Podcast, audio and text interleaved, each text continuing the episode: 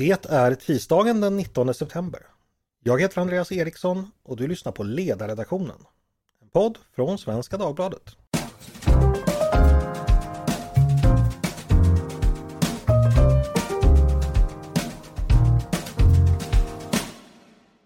Varmt välkomna tillbaka till oss igen. Idag ska vi ta oss an energipolitik. Ett ämne som vi haft uppe många gånger i podden och som vet att många av er som lyssnar är mycket intresserade av. Det vi närmare bestämt ska prata mer om idag det är elsystemet och hur det har skötts av staten.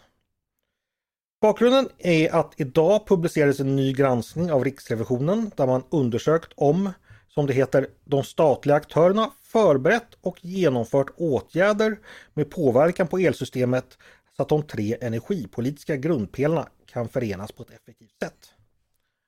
Jag kan redan nu eh, avslöja att den kortfattade slutsatsen är nej. Det vill säga de statliga aktörerna har inte förberett och genomfört de här åtgärderna på det sättet. Och de energipolitiska grundpelarna, det ska jag säga, det är ekologisk hållbarhet, konkurrenskraft och försörjningstrygghet. De har bestämts av riksdagen. Så det här tänkte vi skulle prata mer om. Eh, för vad är det då som har brustit när staten genomfört sina åtgärder? Varför har det brustit? Exakt hur har regering och myndighet agerat i samband med de olika beslut som har granskats? Är det genomtänkta beslut? Hur har konsekvensanalysen sett ut? För att diskutera detta närmare har jag med mig två gäster, nämligen Johannes Österström som varit projektledare för Riksrevisionens granskning. Väl, varmt välkommen hit Johannes! Tack så mycket! Och Carl Berglöf som är expert på energiföretagen. Varmt välkommen du också Carl! Tack så mycket! Då tänkte jag lägga upp eh, dagens podd så här att det här är ju ganska komplicerad materia och jag begriper själv inte allting och jag tror att ni som lyssnar också ibland kan ha lite svårt att hänga med i allt ja, i, i den ganska komplexa materien. Så att vi börjar med så att jag och Johannes går igenom den här granskningen ganska noggrant. Så att både jag och lyssnarna ska förstå vad det är som framkommit. Och sen så ska vi släppa in Karl och hans kommentarer senare. Så vi börjar Johannes, eh, ja min första fråga. Hur kommer det sig att Riksrevisionen har bestämt sig för att titta just på det här området? Vad är bakgrunden till det? Jo, men i, i grund och botten är det ju hur viktigt elsystemet är då förstås för samhället. Det är väl eh, svårt nästan att hitta eh, verksamheter eller, eller folk som bor här som inte använder sig och till och med är helt beroende av elsystemet. Så det är ju eh, liksom ett grundskäl och det var dessutom några år sedan som Riksrevisionen granskade det här området. Då. Eh, sen har ju staten en väldigt viktig roll och Riksrevisionen granskar staten helt enkelt. Sätter ramarna, eh, alltså staten sätter ramarna för marknaden här till exempel och har ett ansvar att bygga ut nätet, bland annat transmissionsnätet. Då. Eh, ja, det är några grundskäl så att säga. Just det. Och då, som jag sagt så har ni då tittat på regeringen men ni har också tittat på ett antal myndigheter. Vilka myndigheter är det? Det är Svenska kraftnät då och Energimarknadsinspektionen och Energimyndigheten. Just det. Eh, någonting man kan läsa som ni inte har granskat, det är ju det statligt ägda eh, och även statligt kontrollerade Vattenfall. Hur kommer det sig att ni har valt att lägga den, deras, verk, eller deras beslut utanför granskningen? Ja, men vi har väl eh, utgått så att säga från det övergripande uppdraget då att eh, det här ska vara, det är ett statligt ägt bolag men det ska vara en vinstdrivande verksamhet på den här marknaden helt enkelt. Och, eh, på så sätt så, så påverkar det inte riktigt den här frågan vi tittar på eh, direkt. Och det, om man ska vara lite ärlig så är det också en avgränsning utav granskningens omfattning så att säga. Att det blir väldigt, eh, en väldigt stor granskning och av en annan sort så att säga om man skulle eh, väga in ett stort statligt eh, eh, företag där helt enkelt. Just det. Men så alla är med då, då är det alltså regeringen och tre myndigheters verksamhet vi tittar på här. Inledningsvis kan man läsa så här i rapporten. Elsystemet levererar energi till nästan alla medborgare och verksamheter i landet och är en grundbult för ett fungerande samhälle. Staten har ett centralt ansvar för att upprätthålla elsystemets funktion genom en energipolitik som förenar de tre grundpelarna ekologisk hållbarhet, konkurrenskraft och försörjningstrygghet. Och, eh, ja, de här grundpelarna har jag redan nämnt men, och de är bestämda av riksdagen. Eh, Johannes, finns det något ytterligare att säga om, om de här grundpelarna? Vad, kort, vad innebär de för någonting? Ja, man kan säga kort och gott kring ekologisk hållbarhet där till exempel så har vi landat i tolkningen att det handlar om eh, miljöfrågor och klimat. Eh, miljö är ju intrångseffekter till exempel om man bygger ut nät eller produktion eh, och, och, klimat och att minimera utsläpp. Sen när det gäller konkurrenskraft då så är det kanske den klurigaste då eftersom man kan tänka sig den på flera olika nivåer. Vi har den europeiska nivån med integration eh, på, på den övergripande nivån men vi har också eh, riksdagen också ställt sig bakom eh, mål om och arbetstillfällen i Sverige och så där till exempel. Så att, eh, den eh, så att säga har flera nivåer som man får tolka in så att säga i, när man hanterar den så att säga granskningen. Försörjningstrygghet är ju, det handlar ju om trygg och tillräcklig leverans av el då i förhållande till efterfrågan. Att Man kan lita på att elen kommer när den behövs. Mm, just det. Jag ska säga då att er granskning, ni har sedan valt att dela upp eh, det här i tre delfrågor. Eh, den första rör då eh, Svenska kraftnät, Energimarknadsinspektionen och Energimyndighetens bevakning och rapportering, omvärldsbevakning kan man säga. Den andra delfrågan rör regeringens analys, redovisning och beaktande av konsekvenser inför beslut. Alltså regeringens konsekvensanalys helt enkelt. Och den tredje rör regeringen och Svenska kraftnäts åtgärder för att hantera konsekvenserna av de förändringar som genomförts. Eh, ja, det här kanske lät lite invecklat men det är i alla fall tre områden man kan säga. Mm. Vill du utveckla eller kommentera något kring detta? Att ni valde att operationalisera det på det här? Var, var det självklart att delfrågorna skulle formuleras just så här eller hur har ni tänkt? Alltså vi, vi hade ju en sökande period i början av granskningen men jag tycker ändå att vi landade ganska snyggt här. Det låter lite komplicerat så att säga men eh, om man så här, fundera på vad man behöver för att genomföra effektiva åtgärder då så är det ju först kunskap då. Och det är den här omvärldsbevakningen. Eh, och sen behöver man underbygga sina beslut med konsekvensanalyser. Man måste förstå hur besluten påverkar elsystemet. Och slutligen då så behöver man ju hantera konsekvenserna utav de här besluten men också utav den gängse utvecklingen så att säga på marknaden. Eh, så de, de faller ut eh, ganska snyggt i någon sorts trestegsprocess där, tycker vi. Jag håller med. Hur många är ni som har jobbat med den här granskningen på Riksrevisionen ungefär? Eh, vi har varit två personer som har hängt med hela vägen så att säga men en period så har vi även haft en tredje person här. Då. Okej, men då, då börjar vi med det här med omvärldsbevakningsdelen så att säga, där ni tittar på hur man eh, om, rapporterat och, eller bevakat och rapporterat kring olika eh, faktorer kan man säga då. Eh, exempelvis det här med att vi har fått en mer variabel energiproduktion eh, Eh, med mer, mer vindkraft i systemet.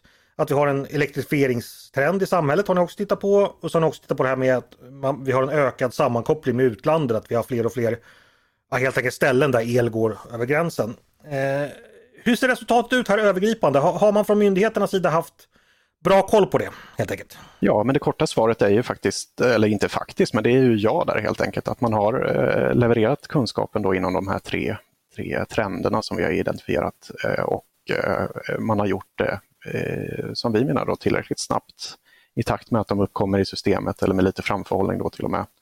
Och eh, med tillräcklig kvalitet då, att man har fördjupat sig tillräckligt mycket i, i de här frågorna då för att ja, för att kunna beskriva hur elsystemet påverkas. Och det gäller även då den här fjärde delen som handlar om hur, hur de här tre trenderna då påverkar elsystemets stabilitet kan man väl kort och gott säga. Då. Stabilitet och överföringsförmåga och, och andra sådana aspekter där vi också tycker att man, man kopplar eh, ihop till exempel ökningen av variabel kraft. Hur kommer det i sin tur påverka, eh, påverka eh, elsystemets stabilitet och eh, de frågorna. Så generellt kan man säga att kunskapen har funnits. Man har samlat in den, eh, man har analyserat den, man har dragit slutsatser. Så att säga att, eh, vi, har, vi, har, hela tiden haft ett hyggligt bra kunskapsunderlag att, att stå på. Kan man dra den slutsatsen? Ja, det, det är där vi landar i alla fall. Mm. Eh, då går vi raskt vidare till nästa steg och då handlar det då om, om regeringen. Eh, både den, eh, ja, alla regeringar helt enkelt som, som har suttit under den här perioden. Eh, då har ni granskat fem olika pilot, pilot, eh, politiska beslut. Eh, ni som lyssnar har säkert hört talas om de här. Ni kanske inte har jättebra koll på dem men vi ska gå igenom dem en och en. Jag ska bara räkna upp dem först. Eh, den första handlar om att man först höjde och sen avskaffade effektskatten. Det andra handlar om elcertifikatsystemet, alltså det system vi har haft eh, som stödjer viss, viss ny elproduktion. Och att man, det infördes 2003 och eh, ja, det har gradvis höjts ambitionen i det. Det tredje är då att eh, man har fått en höjning av energi och koldioxidskatten för kraftvärme. Det fjärde är införandet av avfallsförbränningsskatten. Och det femte har att göra med anslutningskostnader för havsbaserad vindkraft. Nu var det mycket information på en gång där, men vi ska... Vi, vi ska och så, samt, ni har också tittat på hur besluten för hur man, de här ökade utlandsförbindelserna. Eh, mycket information på en gång, vi ska ta dem en efter en. Eh, vi börjar med effektskatten. 2015 så höjdes den. Den hade höjts tidigare under tidigare regering också ska sägas. Och Det var också efter det beslutet 2015 som energibolagen valde att lägga ner fyra kärnkraftsreaktorer. Därefter avskaffades effektskatten 2017-2018 efter energiöverenskommelsen 2016. Om vi börjar med det här Johannes, hur såg konsekvensanalysen ut när det gäller dessa beslut? Om vi börjar med, med eh, ökningen då 2015. Ja, vid det tillfället då så menar vi att konsekvensanalyserna saknades i praktiken då om, om påverkan på elsystemet. Eh, så man, man grävde liksom inte i frågan kring, kring hur det här eventuellt kunde påverka eh, det. Då. Eh, och man, man kan nämna här då att man såg det som en fiskal skatt, alltså en extra intäkt till statskassan och man motiverade även med att det skulle kompensera då för prisutvecklingen. Mm. En formulering i rapporten som jag är här till på lyder så här. Regeringen baserade således beslutet på oklar grund och i strid med kunskap som fanns att tillgå vid beslutstillfället. Det låter ju som ett ganska stor miss. Ja, så kan man ju se det. Vi, om man ska utveckla det lite då så menar vi att man eh, utifrån den information som vi har fått i granskningen från regeringen så är det svårt att, eh, eh, att se hur man landade i så att säga att det fanns ett utrymme att höja den här skatten och eh, att de här avskrivningskostnaderna för kärnkraften var låga. Man förde resonemang kring det helt enkelt. Eh, och det, vi har ju gått igenom den information då som fanns från perioden och eh, bland annat gått igenom dåvarande medierapportering eh, och eh, ja, annan information helt enkelt. Och eh, det var ju ganska tydligt där att kärnkraften i, i vissa fall redan gick med förlust så att säga och att de här avskrivningarna man hade var ju också en betydande kostnad vid det, vid det tillfället som, som då eh, berodde på mer sen, sentida investeringar i bland annat ökad effekt och, och säkerhet då, som man har genomfört. Så att vi, vi ser eh, så att säga inte riktigt att de här motiven eh, stämmer överens med, med den bild av informationen som, som fanns då. Och här hittar jag också då att Svenska kraftnät hade skickat, eh, vid beslutet om höjningen av effektskatten, då skickade man in ett remissvar som innehöll, nu citerar jag er, varning för att höjningen kan innebära nedläggningen av specifikt de fyra re reaktorer som sedermera lades ner. Svenska kraftnät menar också att förslaget innebär en risk för effektbrist som inte kan mötas med ytterligare vindkraft eller efterfrågeflexibilitet. Borde man ha lyssnat mer på Svenska kraftnät helt enkelt? Eh, alltså man borde ha sett det som en impuls att ta fram konsekvensanalyser tycker vi också. Det, det efterfrågade ju SVK även i det remissvaret, så att säga, att man behöver en konsekvensanalys för elsystemet. Och givet då att man vill genomföra den här förändringen så borde man ha tagit fram då. Och eh, vi noterar även där i granskningen att det fanns ju också en ytterligare period faktiskt att utreda eh, åtgärden ytterligare för att man, man genomförde aldrig ändringen i, i höstbudgeten 2014 då som man hade tänkt, utan eh, själva förändringen skedde till följd av vårändringsbudgeten då under eh, våren eh, 2015 så att det fanns mer tid kan man väl säga. Eh, och som lyssnarna kanske minns, höstbudgeten 2014 blev ju då inte, var ju inte den sittande regeringens budget. Eh, hur var det med borttagandet av, av den här skatten då som genomfördes senare? Hur var konsekvensanalysen där? Finns det något omdöme om, säga om det?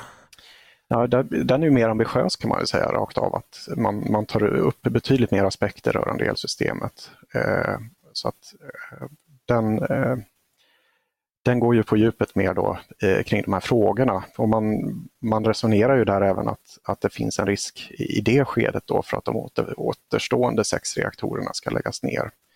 Det vill säga de som finns kvar idag då helt enkelt. Och det är en bakgrund som, som leder till att man landar i att ta bort effektskatten. Då. Mm. Så man tog bort den ett och ett halvt år ungefär efter att man höjde den.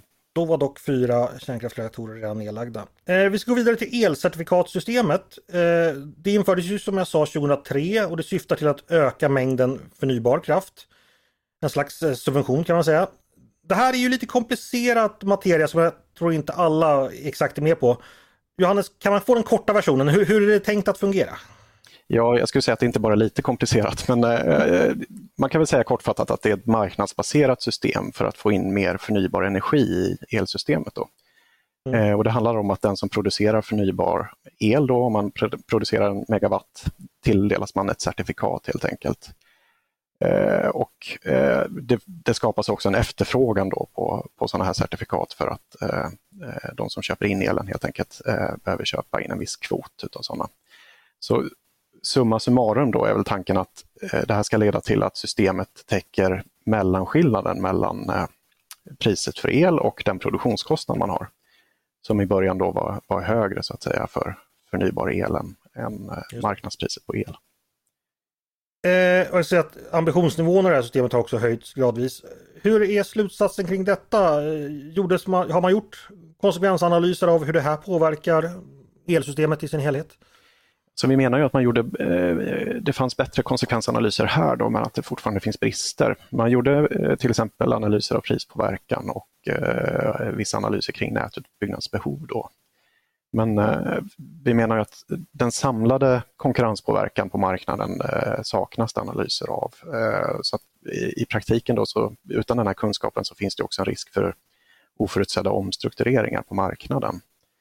Eh, och egentligen så gäller ju det, vi har även ett mer övergripande avsnitt där vi resonerar kring att även skatterna har ju den effekten så att säga, att de snedvrider mm. marknaden. Vi, vi ska återkomma till det, jag ska bara gå igenom de här punkterna. Mm. Eh, skattehöjning på kraftvärme 2019. Mm. Vad framkommer i, i granskningen där? Går det att säga något, ja, det är väl också ett beslut där vi är mer kritiska så att säga, att det saknades analyser av eh, effekten på elsystemet och att eh, de här Eh, produktionsenheterna hade ju en väldigt betydande roll just i storstäderna då. Att man efter höjningen beslutade om nedläggningar som, som eh, skapade en risk för effektbrist i, i storstäderna. Sen hanterades ju det då, men vi, vi menar ju då att konsekvensanalysen inför beslut saknades helt enkelt. Jag ska citera en annan formulering där som jag tyckte var talande. Eh, flera remissinstanser framförde till regeringen att förslaget allvarligt kunde hota elförsörjningen i flera svenska storstäder. Regeringen gjorde dock ingen analys av huruvida detta var ett troligt scenario och hur elförsörjningen de facto skulle påverkas. Regeringens svar var att elproduktionen endast indirekt berördes av förslaget och att skattehöjningen helt eller delvis kunde undvikas genom eh, ökad användning av biobränslen i påverkade anläggningar. Något underlag som stödjer den slutsatsen har inte funnits. Eh, ja, och så avfallsförbränningsskatten kanske inte heller jättevälkänd. Eh, kort, vad är det för någonting och vad säger granskningen där? Ja, men man ville komma åt avfallsförbränningen där genom att eh, höja skatten på den helt enkelt. För, eh, det är också i kraftvärmen som man eh, förbränner det här avfallet. Och tanken var att man skulle lyfta upp det här högre upp i i hierarkin. Då. Det är bättre att återvinna till exempel än att förbränna. Eh, och där ser vi att underlaget var bättre så att säga vad gäller elsystempåverkan men, men att det fanns ändå eh, brister kring långsiktigheten här, att man gick i ena riktningen och sen strax därefter så avskaffade man skatten. Eh, samt att eh, skatten var egentligen inte särskilt träffsäker utifrån det syfte man hade då. Så att, eh, den bedömdes då vara rent fiskal, då, att den egentligen bara ledde till en ökad intäkt till statskassan. Sen har vi det här stöd för anslutning av havsbaserad vindkraft. Det har mm. ju inte minst blivit en stor fråga nu. Vad, vad, vad har ni hittat där? Hur, hur, hur, har regeringen agerat när det gäller konsekvensanalysen? Ja, men man kan väl säga att eh, i det fallet så utreddes ju beslutet eh, på ett utförligt sätt då vad gäller elsystempåverkan. Hur, hur kommer den här ökade produktionen påverka elsystemet? Eh, har det gjorts analyser av. Sen så det beslut så att säga som regeringen införde då i instruktionen för Svenska kraftnät då, det beslutet var ju inte samma som, som det utredda beslutet, så det kan man ju notera då, men samtidigt så menar vi ju att eh, det finns betydande överlappande effekter här så att de, de konsekvensanalyser man gjorde ändå har viss bäring så att säga på beslutet. Och så slutligen det här med nya utlandsförbindelser, det vill säga det som gör att mer av vår el exporter eller kan exporteras eller importeras. Att vi helt enkelt länkas mer samman. Mm. Eh, att man helt enkelt byggt ut den kapaciteten. I samband med det, har, har, har man gjort, ja, vad, hur, vad, hur lyder domen i granskningen här? Har, har man gjort tillräckliga konsekvensanalyser? Ja, vi utgick ifrån egentligen i början av granskningen från att eh, regeringen fattade ett tydligt beslut här kring de här utlandsförbindelserna och det är utifrån hur riksdagen sa att det skulle gå till när man införde elmarknaden. Då. Men det vi har sett är att regeringens eh, formella roll här är åtminstone eh, begränsad, så att säga. Till och med väldigt begränsad. Så att utgångspunkten blir då egentligen Svenska kraftnäts bedömning av om en, en sån här utlandsförbindelse då behövs eller inte. Och där menar vi att det finns ju betydande så att säga, fördelningspolitiska aspekter här, eh, till exempel kontra ja, men elpriser i, i, Sverige kontra utlandet och så vidare. Och att eh, de frågorna är svåra för en myndighet att avgöra eller ska egentligen inte avgöras av en myndighet så att säga. Där, där är det samhällsekonomin som ska råda. Så att, eh, om man ska leva upp till de här intentionerna som riksdagen hade till exempel så, så bör eh, regeringens roll utredas här så att säga. För när en utlandsförbindelse väl är byggd, då blir det ett betydande åtagande så att säga. Då måste man upprätthålla viss kapacitet på den och så vidare. Men det låter som att ni har en hel del att säga om alla de här, ja, sex egentligen besluten då. Mm. Eh, går det att dra några generella slutsatser? Alltså, finns det något överordnat omdöme man, man kan säga eller någonting som, som återkommer i, i det här fallet? Eller hur lyder din sammanfattning? Ja, men det är väl... Eh, ja, det övergripande är väl eh, de här bristerna i konsekvensanalyserna är ju förstås problematiska då, givet att det, eh, det hade man ju kunnat ta fram så att säga och eh, det hade belyst bättre hur elsystemet skulle påverkas. Sen har vi sett också att en övergripande påverkan från flera av de här besluten blir ju gemensamt så blir ju det större så att säga. Beskattning tillsammans med subventioner ger ju en mer snedvridande effekt så att säga än bara de enskilda besluten. Så att, eh, den övergripande konkurrenspåverkan har ju varit betydande och även eh, påverkan på försörjningstrygghet så att säga. Att, eh, om man tittar på nedläggningen av de här reaktorerna tillsammans med en, en kraftig ökning då, eh, av variabel kraft, då, till exempel vindkraft som är beroende av, eh, av eh, vädret så att säga. Då blir den gemensamma eh, effekten större det blir eh, en större utmaning så att säga att upprätthålla försörjningstryggheten i systemet. Jag tänker när samma problem uppkommer i olika, alltså finns det någon systematik i att konsekvensanalysen inte har gjorts i så många fall? Eller ingår det i uppdraget att fundera över sånt också? Vi, vi har egentligen inte eh, grävt så mycket i den frågan. Vi, vi har ju sett att, eh, att i den mån som eh, de här besluten är bundna utav politiska överenskommelser så finns det ju, eh, ja, då kan man tänka sig att eh, Eh, man har inte sett det lika så viktigt då med konsekvensanalyser. Men eh, poängen som vi gör här då är att konsekvensanalyserna ändå bör göras så att säga för att de bidrar ju till, till eh, möjligheten att med framförhållning då hantera eh, genomföra nödvändiga åtgärder då för att kompensera för förändringar. Och då är det ju kopplat till nätutbyggnad bland annat och eh, andra åtgärder som finns för att systemet kan, ska kunna möta de förändringar man vill genomföra. Jag tycker det var intressant det ni skriver, för, för så här, nu ska jag citera er. Riksrevisionen bedömer att en delförklaring till bristande konsekvensanalyser är att beslut ingått i politiska överenskommelser. Och så är det ju, det här är ju, det är ju politiska beslut förstås, men då tänker man förstås att även politiker när de sitter och pratar och kommer överens om att, att då ska väl även konsekvensanalyser finnas med. Det kanske är en svår fråga för dig att svara på Johannes, men ja, våra politiker tänker inte alltid på konsekvenser. Ska man läsa det så, eller? Det handlar väl om ordningen så att säga, att när, när, när vi har gått in och tittat på själva genomförandet som, eh, som föreslås i proposition till exempel, då har det ju saknats konsekvensanalyser och då kan den här låsningen som den politiska överenskommelsen lett till då ge, liksom, det kan ju vara försvårande. Eh, dels för att det skapar mindre flexibilitet så att säga, men också just det här att man man kanske inte ser det som lika viktigt att ta fram de här konsekvensanalyserna. Eh, vi ska gå till sista avdelningen för granskningen. Hur regeringen och Svenska kraftnät har hanterat de konsekvenser som delvis har uppstått till följd av de här besluten. Eh, vad har granskningen att säga om detta? Hur har konsekvenserna hanterats? Ja, alltså det första vi tittat på då är ju om man kopplar ihop så att säga de här besluten med en, en tydlig eh, konsekvenshantering och det har vi sett lite väldigt lite utav då i den här granskningen på de här besluten vi har tittat på. Och det är en viss skillnad då mot ett tidigare beslut som fattades kring nedläggningen av Barsebäck då, eh, som vi har tagit upp som ett exempel här. att Där höll man väldigt tydligt ihop beslutet om nedläggning eh, med nätutbyggnad till exempel som skedde ungefär samtidigt som, som nedläggningen skedde. Och man satte också upp kriterier för vad, systemet skulle, vad som skulle vara uppnått i systemet så att säga innan man genomförde Eh, beslutet då. Eh, och det ledde till att man väntade in, eh, man väntade med den andra reaktorn i längden så att säga, till 2005 då istället för 2001 innan man genomförde det. Så det är ju så att säga en iakttagelse kring att på ett principiellt plan här i alla fall så kan man ju uppnå en mycket bättre sammanhållning där, där man blir mindre reaktiv och mer proaktiv så att säga. Och sen har vi också då gått in och tittat på så att säga, den faktiska, det, det som Svenska kraftnät och regeringen har gjort då direkt i konsekvenshantering. Då handlar det om nätutbyggnad. Mm. Eh, och där har vi sett att eh, Svenska kraftnät har ju inte nått de prognoser man har ställt upp för nätutbyggnad under, under de år vi har tittat på. Och det är egentligen hela investeringsplaneringen från 2009 och framåt som vi har varit och grävt i. Då.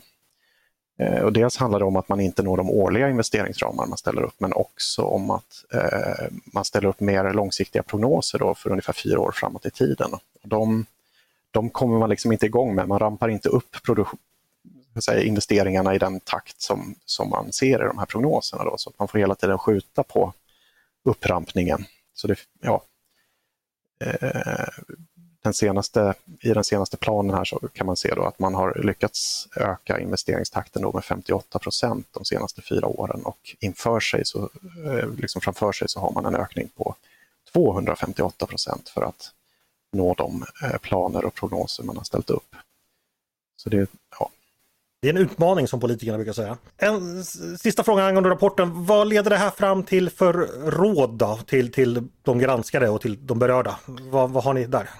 Eh, jo, men vi bedömer ju att, eh, eller våra rekommendationer då kan man ju säga, är ju att göra eh, konsekvensanalyser helt enkelt som beaktar hela systemet och belyser just konsekvenshanteringen. Och eh, eh, den andra rekommendationen då är att genomföra åtgärder på ett långsiktigt sätt som möjliggör anpassningar eh, i det övriga systemet.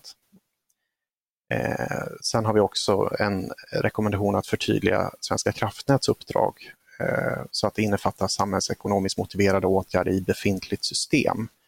Eh, ja, ur ett effektivitetsperspektiv så är det väldigt positivt. Och eh, ju mer man kan så att säga klämma ut ur det nuvarande systemet som vi redan har, då, givet att det tar så lång tid att, att genomföra till exempel nätåtgärder. Eh, Sen eh, till Svenska kraftnät så har vi en rekommendation om att förstärka arbetet med transmissionsnätsutbyggnad. Dels att snabbare agera på när man har tidiga indikationer på att nu behöver någonting göras i systemet. Så vill vi att man ser över hur man snabbare kan agera på det. Då. Eh, och också att man ska utreda hur man bättre når den investeringstakt som man planerar för. man har ju hela tiden konsekvent i stort sett eh, inte uppnått den. Då.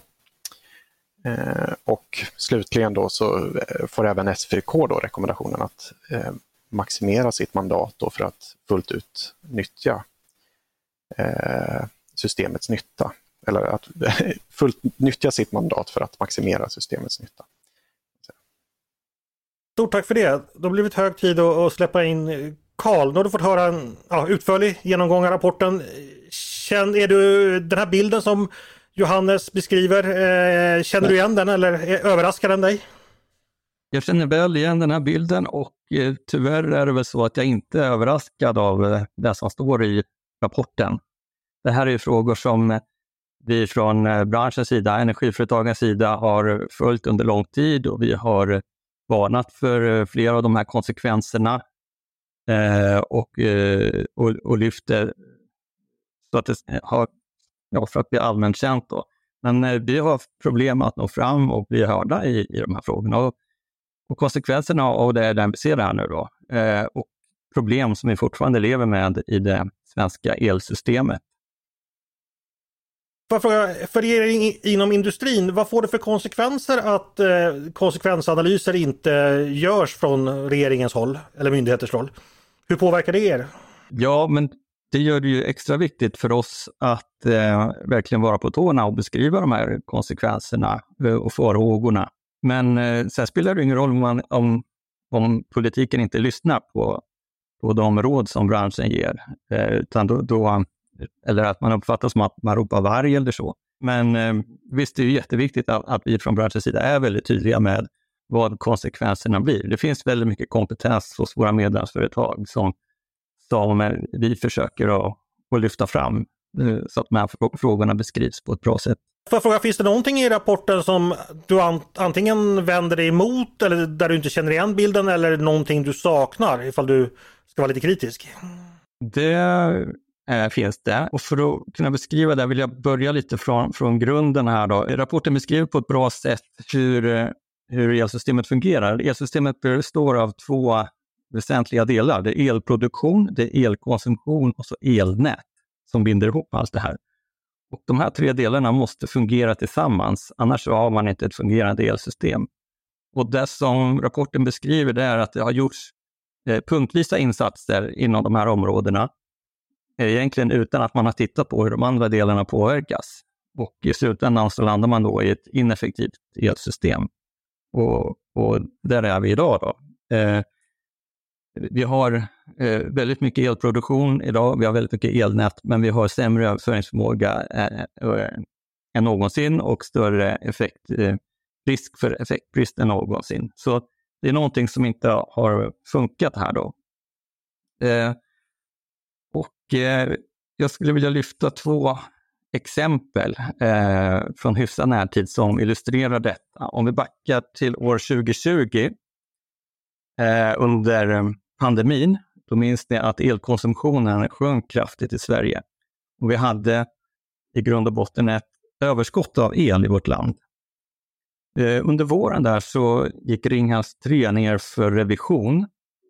Eh, sen när, var, när, revisionen var genomförd, alltså bränslebyte och årligt underhåll och så, när det var klart, då skulle man gå upp igen, men då konstaterade ägaren eh, Vattenfall då, att det fanns ingen efterfrågan på den här elen. Men eh, det skulle medföra vissa problem då för Svenska kraftnät att inte få in Ringhals 1 i systemet. Den behövdes för systemstabiliteten och driftsäkerheten i systemet. Så Svenska kraftnät handlade upp den här kraften då, vid sidan av elmarknaden. Så Ringhals 1 eh, startade igen då, men på uppdrag av Svenska kraftnät för att upprätthålla driftsäkerheten. Så trots att det fanns ett överflöd av el så upphandlade man ändå en kärnreaktor på detta sättet och det är ju ganska anmärkningsvärt.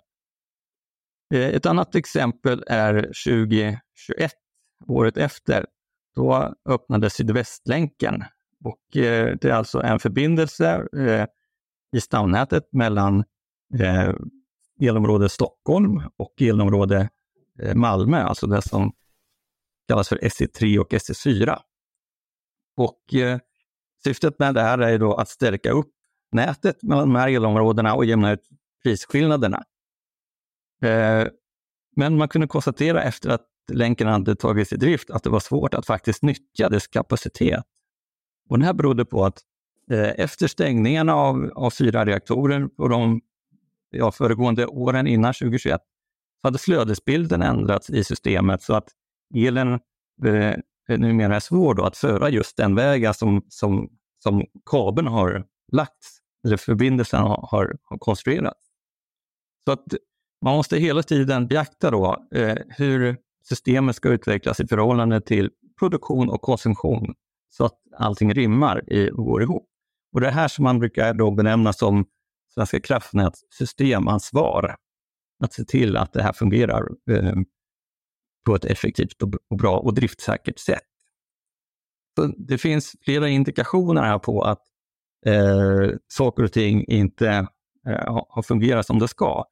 Och då kan man fundera på eh, varför har ingen eh, reagerat på detta då? Eh, vi har väl myndigheter som, som granskar eh, förfaranden och så kring elsystemet? Ja, det har vi. Då kan man titta på, om vi tar då fallet SVK och driftsäkerheten som de ansvarar för. Vem bedriver tillsyn över driftsäkerheten?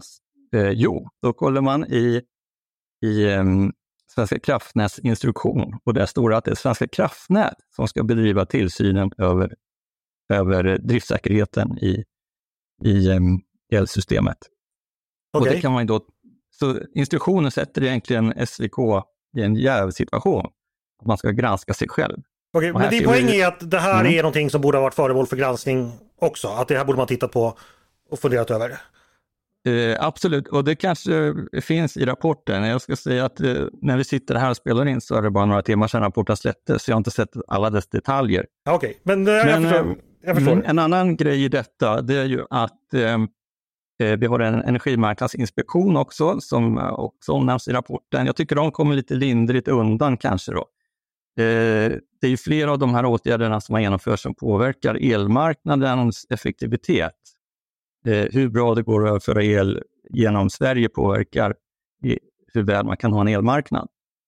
och eh, jag skulle gärna sett några eh, vad heter det, rekommendationer till Energimarknadsinspektionen i slutet av rapporten. Okej, okay. men vi tar det. Johannes, är det någonting du vill svara på? För nu var det ju två saker här som eh, som Carl lyfte som han saknade. Var det någonting ni hade funderat på att ta med eller hur, hur tänker du kring det? Ja, alltså det, dels så skulle jag vilja säga att det här helhetsperspektivet är verkligen någonting som vi har tagit till oss under granskningens gång. Och jag, eh, alltså det, det har vi försökt lyfta inledningsvis och vi tänker också att det är någonting som man måste få med i de här konsekvensanalyserna, någonting som har brustit så att säga när, när man har genomfört de här förändringarna i, i systemet, att man inte har haft det perspektivet. Men eh, ja, det hade kanske kunnat understrykas ännu mer. Jag ska inte säga att det, det, inte kunde bli bättre, men jag tycker ändå att vi har tagit det till oss att det finns med i rapporten. Eh, sen så, de andra frågorna är förstås intressanta och eh, det är väl helt enkelt en, en fråga om hur, hur långt vi når med en och samma granskning så att säga. Jag kan säga att den här har varit en, en större granskning än normalt givet den eh, avgränsning vi har haft då, så har vi trots det haft en större granskning än vad vi brukar. Men eh, nu, nu utlovar jag så att säga ingenting, men det kanske finns eh, möjlighet att återvända så att säga till energiområdet. Johannes, du vet hur mycket man än gör så tycker alltid någon man ska, skulle ha gjort mer. Eh, Karl, en, Nej, fråga, en fråga till till dig. Eh, de här fem politiska besluten som nu togs upp i Johannes rapport som man har granskat, är det någon av dem som du skulle vilja lyfta fram som du tycker har haft speciellt stor påverkan där man borde ha tittat mer på, på konsekvenserna? Är det något som står ut tycker du så att säga? Ja, det är väl sammantaget eh, de beslut som rör planerbar kraft. Eh, det är både effektskatten för kärnkraft, eh, koldioxidskatten för, eh, för kraftvärmen och avfallsförbränningsskatten. De påverkade eh, kraftigt eh, till eh, hur mycket tillgänglig planerbar kraft vi, vi har i elsystemet idag. Och eh, det, det, är ganska lätt att förstå konsekvenserna. Det, det behövs ingen jättedjup konsekvensanalys för att förstå vad det får för konsekvenser, den typen av skatter. Det, det har ju kompenserats av att man har byggt vindkraft och det hade man ju, det var ett annat beslut här som nämns. Eh, men det här är ju kraftslag med olika förmågor. Mm. Eh, och, och det, det, hade vi gärna det hade man kunnat undvika eh, med en större förståelse kring vad de här förmågorna bidrar med till systemet. Just det. Carl, vad tycker du eller vad tänker du att regeringar och, regeringen och andra myndigheter ska dra för slutsatser när de läser den här rapporten? Vad, vad tycker du är, är det viktigaste inför framtiden? Jo, men rapporten är väldigt bra på så vis att den pekar tydligt på lärdomar som, som framtida regeringar, alltså nuvarande och framtida regeringar kan dra av detta.